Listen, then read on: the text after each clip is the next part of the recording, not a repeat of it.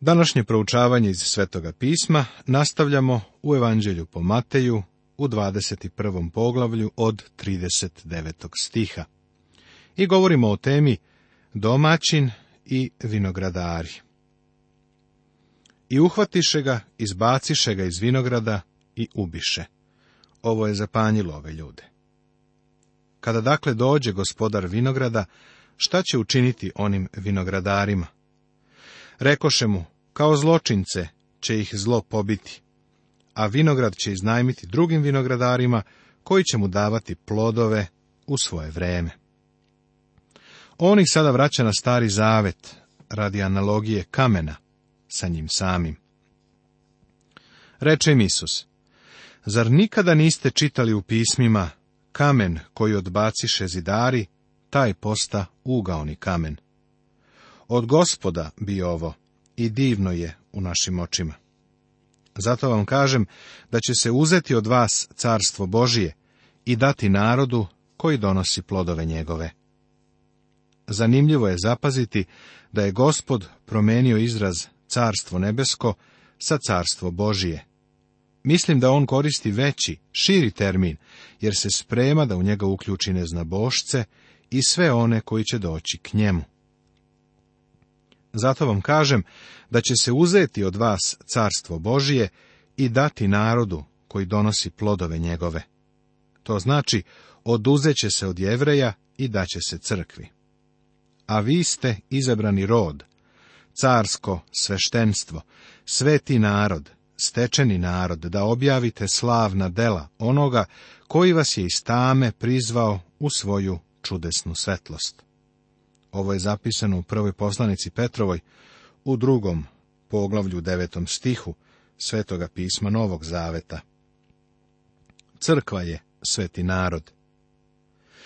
I ko padne na ovaj kamen, razbiće se, a na koga on padne, satrće ga. Ko padne na ovaj kamen, razbiće se. Ovo se odnosi na Hristov prvi dolazak.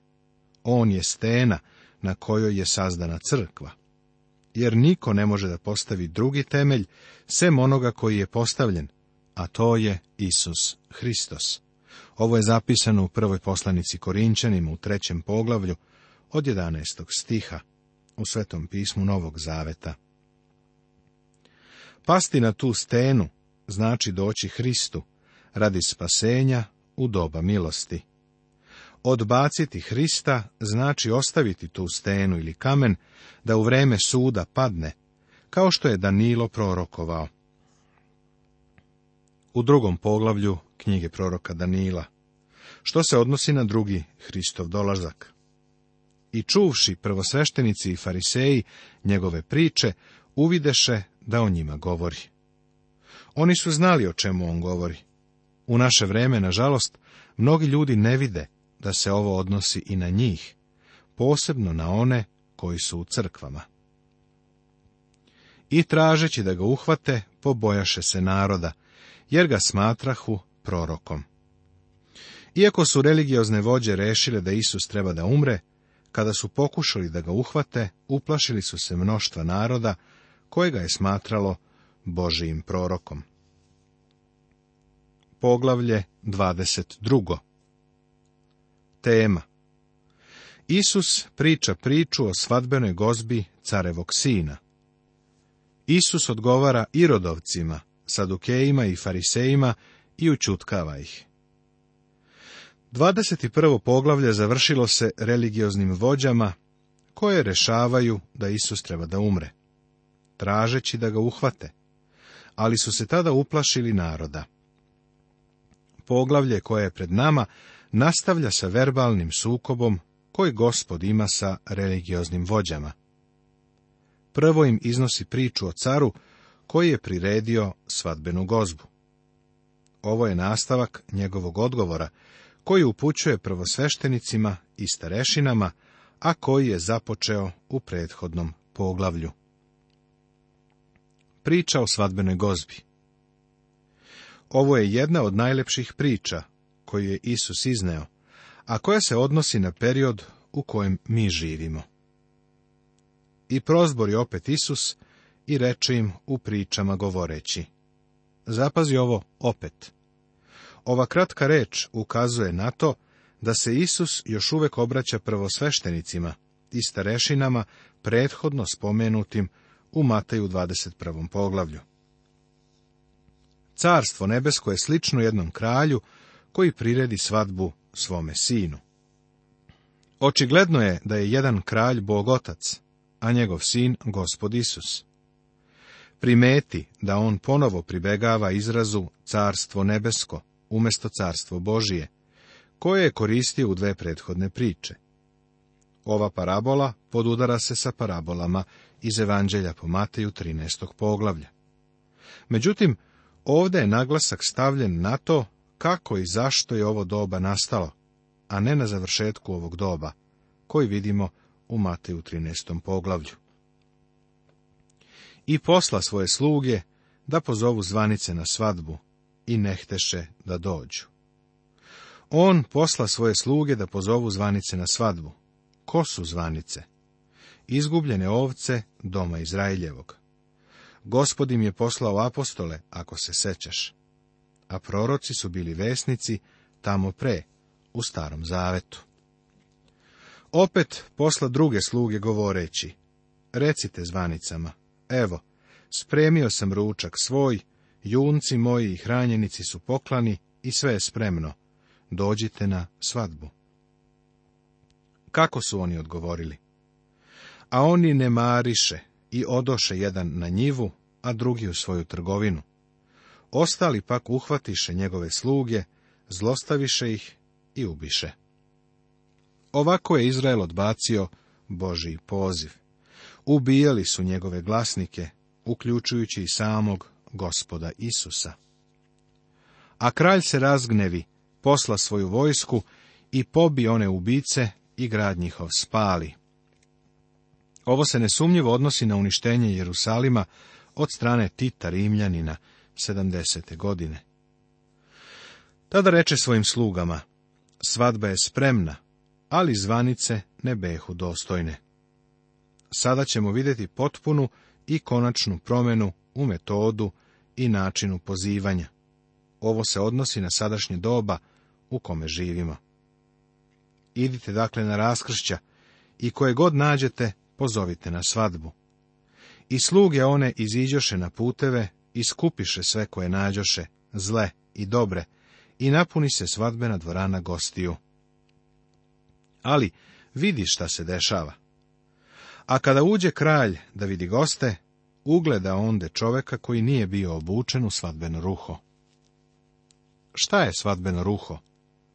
Kraljev poziv je upućen svima, ali postoji opasnost da se dođe bez ispunjavanja kraljevih zahteva.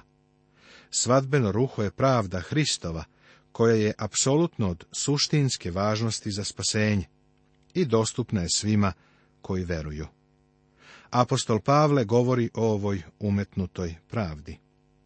A sad se bez sudelovanja zakona javila pravednost od Boga, posvedočena od zakona i proroka. Naime, pravednost Božija, koja verom u Isusa Hrista dolazi za sve koji veruju, jer nema razlike. Ovo je zapisano u poslanici Rimljanima u trećem poglavlju. Svi moraju da imaju svadbeno odelo. I reče mu, prijatelju, kako si ušao ovamo bez svadbenog ruha, a on zaneme. Zapazi da je zanemeo. Čujem neke ljude koji govore kako njima nije potrebno da prime Hrista, da će rizikovati pred Bogom i da imaju nameru da se pred njim brane. Pa, Gospod kaže da je ovaj čovjek bez svadbenog ruha bio zanemeo. Tada kralj reče slugama, svežite mu ruke i noge i izbacite ga u krajnju tamu. Onda će biti plač i škrgut zuba. Jer su mnogi zvani, ali je malo izabranih. Da li ćeš ili ne prihvatiti svadbeno ruho, zavisi od tebe. Ali Hristos ga je obezbedio. Poziv je upućen svima, ali ćeš morati doći pod carevim uslovima. Sada će Isusovi neprijatelji izvršiti posljednji napad, konačni napad na gospoda Isusa. Prvo će doći Irodovci, pa Sadukeji i na kraju Fariseji. Onda će gospod pitati Fariseje, a oni će pokušati da ga što pre izbegnu. Ovo je i posljednji raskol, a u 23. poglavlju ćemo vidjeti kako ih on javno optužuje. Irodovci dolaze sa pitanjem o plaćanju poreza Cezaru. Sadukeji će doći sa pitanjem o vaskrsenju. A fariseji mu dolaze sa pitanjem u vezi sa velikom zapovešću iz zakona. Videćemo kako je gospod na divan način odgovorio ovim ljudima. Hteo bih da kažem da način na koji je postupao sa njegovim neprijateljima za mene predstavlja jedan od dokaza njegovog božanstva. Isus odgovara Irodovcima. Irodovci su došli kod Isusa sa pitanjem koje je u suštini povezano sa njihovim položajem. Oni su bili politička partija koja je favorizovala Irodov dom – i gledala da ih pripadnici te kuće izbave od rimskog jarma. Mislim da se Irodovci uopšte ne mogu smatrati religioznom partijom, jer su bili strogo politički nastrojeni. Međutim, fariseji su ih očito koristili, pa je vrlo moguće da su mnogi fariseji bili istovremeno i irodovci. Zapazi da fariseji podstiču i navode ovaj prvi napad na gospoda Isusa. Tada odoše fariseji i dogovoriše se kako da ga uhvate u reči. I poslaše mu svoje učenike sa irodovcima, koji rekoše, Učitelju, znamo da si istinit i u istini učiš putu Božijem. Ni na koga se ne obazireš, jel ne gledaš ko je ko. Reci nam dakle šta misliš, da li je dopušteno dati caru porez ili nije? Oni očigledno nisu željeli njegovo mišljenje, imali su svoj odgovor. Ovo je bilo zamka pitanje. Da je on rekao ne, ne treba da plaćate porez Cezaru, mogli bi da ga optuže da je izdajnik Rima, a Rim je u to vreme vladao nad Izraelom. A da je rekao da, treba da plaćate porez Cezaru, on onda ne bi mogao biti pravi mesija. Mislili su da su gospoda doveli u škripac. Ali Isus pozna njihovu zloću i reče, što me kušate licemeri? Obrati pažnju na to da ih on naziva pravim imenom, licemeri. Pokažite mi porezni novac, a oni mu pružiše dinar. Može se primetiti da je on upotrebio njihov dinar. Često sam se čudio zašto nije koristio svoj novčić. Mislim, zato što ga nije ni imao. I reče im, čiji je ovo lik i natpis. Koristili su zakonito sredstvo plaćanja rimske uprave i to je bio rimski novčić. Rekoše mu carev. Tada im reče, dajte dakle caru carevo, a Bogu Božije. Ovo je zadivljujući odgovor, jer je više od pukog odgovora na njihovo pitanje. Tako im je gospod odgovorio. Osim toga, on im kaže da oni nešto duguju Cezaru. Oni su koristili careve pare, hodali su rimskim putevima, Rim im je obezbeđivao kakav takav mir. Zato i oni nešto duguju Rimu. Prema tome, daj caru ono što je carevo. Ali postoji još jedan deo, daj Bogu ono što je Božije. I čuvši, zadiviše se, te ga ostaviše i odoše ovo očigledno otkriva da gospod nije upao u zamku. Iako su oni caru nešto bili dužni, to nije uklanjalo njihovu odgovornost prema Bogu. Irodovci su ga napustili, pa je sada vreme da udare Sadukeji, a i oni pokušavaju da mu postave zamku. Isus odgovara Sadukejima.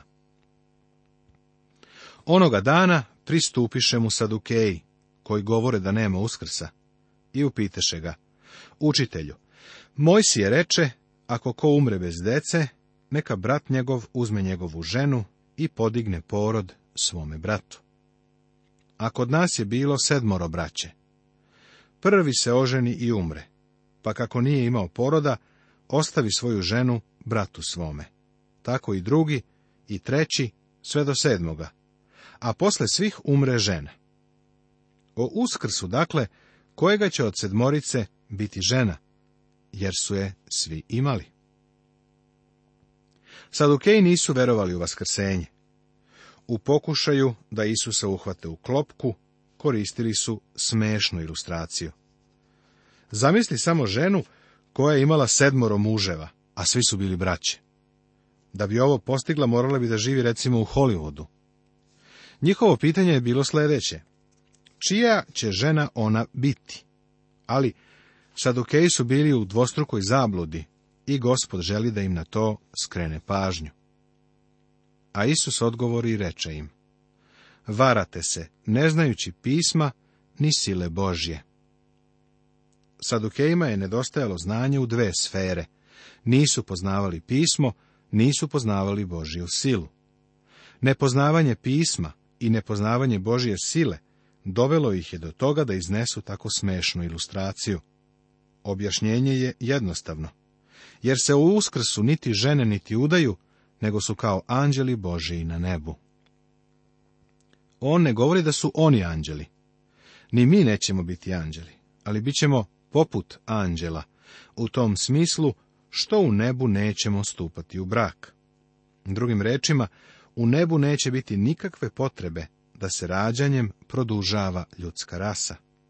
Ovo ne znači da muž i žena koji su ovde dole bili vrlo bliski ne mogu biti zajedno u nebu. Ako žele da budu zajedno, naravno da to i mogu. Ali prijatelju o onima koji neće želati da budu zajedno. Oni neće ni morati da budu zajedno. Međutim, oboje će imati novu prirodu, pa će se verovatno mnogo bolje slagati nego kad su bili ovde na zemlji. A za uskrs mrtvih niste li čitali šta vam je Bog rekao? Ja sam Bog Avramov i Bog Isakov i Bog Jakovljev. Bog nije Bog mrtvih, nego Bog živih. Ovo je veličanstvena izjava. Šta je sa onima koji su preumrli? Šta je danas sa Avramom? Pa, on je i danas Avram kao što je uvek i bio. Avram Isak i Jakov su jednostavno sa zemlje prebačeni na drugo mesto. Nisu mrtvi, živi su. Ovo važi i za tvoje voljene, koji su u Hristu i u nebu te čekaju. Ovo je slavna istina. I čuvši narod divljaše se njegovoj nauci. Isus odgovara farisejima. Irudovci i fariseji su sada učutkani. Fariseji su posmatrali Isusa i ove dve grupe. Fariseji su bili religiozno-politička partija. Oni su želeli da se ponovo uspostavi Davidovo carstvo, da bi se oslobodili Rima. U obnovi carstva mogli su se pridružiti i rodovcima, ali kao religiozna partija bili su oprečni sadukejima. Fariseji bi se mogli svrstati u konzervativno krilo današnje crkve, a Sadukeji bi odgovarali njenom liberalnom krilu. Fariseji, kao i ostale dve grupe, imali su nameru da gospodu postave zamku, a kao njihov predstavnik, jedan zakonik je postavio vrlo zanimljivo pitanje. A kada su fariseji čuli da je učut kao Sadukeje, skupiše se zajedno i upita jedan od njih zakonik kušajući ga. Fariseji su se sakupili isplanirali strategiju i onda istakli ovog vrlo bistrog zakonika, pismoznanca, eksperta za Mojsijev zakon da iznese pitanje. Učitelju, koja je najveća zapovest u zakonu? Slušaj sada odgovor gospoda Isusa. A on mu reče, ljubi gospoda Boga svim svojim srcem i svom svojom dušom i svom mišlju svojom. Ovo je najveća i prva zapovest. Zapazi da on nije izdvojio ni jednu od deset zapovesti, dao im je jednu drugu. A druga je kao i ova, ljubi bližnjega svoga kao samoga sebe. Kada ovo primjeniš u svoj život, uvidećeš ćeš da si izgubio slavu Božiju. Naš gospod je vrlo direktan sa ovim čovekom. On kaže, želiš da znaš koja je najveća zapovest. Voleti Boga je najveća zapovest, a voleti svoga bližnjega je sljedeća najveća. O ovim dvema zapovestima visi sav zakon i proroci. Ove dve zapovesti su u stvari rezime celog Mojsijevog zakona. Isusov odgovor je bio tako očigledno precizan, da kada bi fariseji bili iskreni, onda bi rekli, nama to nedostaje. Ne možemo biti spaseni zakonom, potreba nam je spasitelj. A u to vreme, gospod su spasitelj bio je skoro pod senom krsta. Nastavit će se.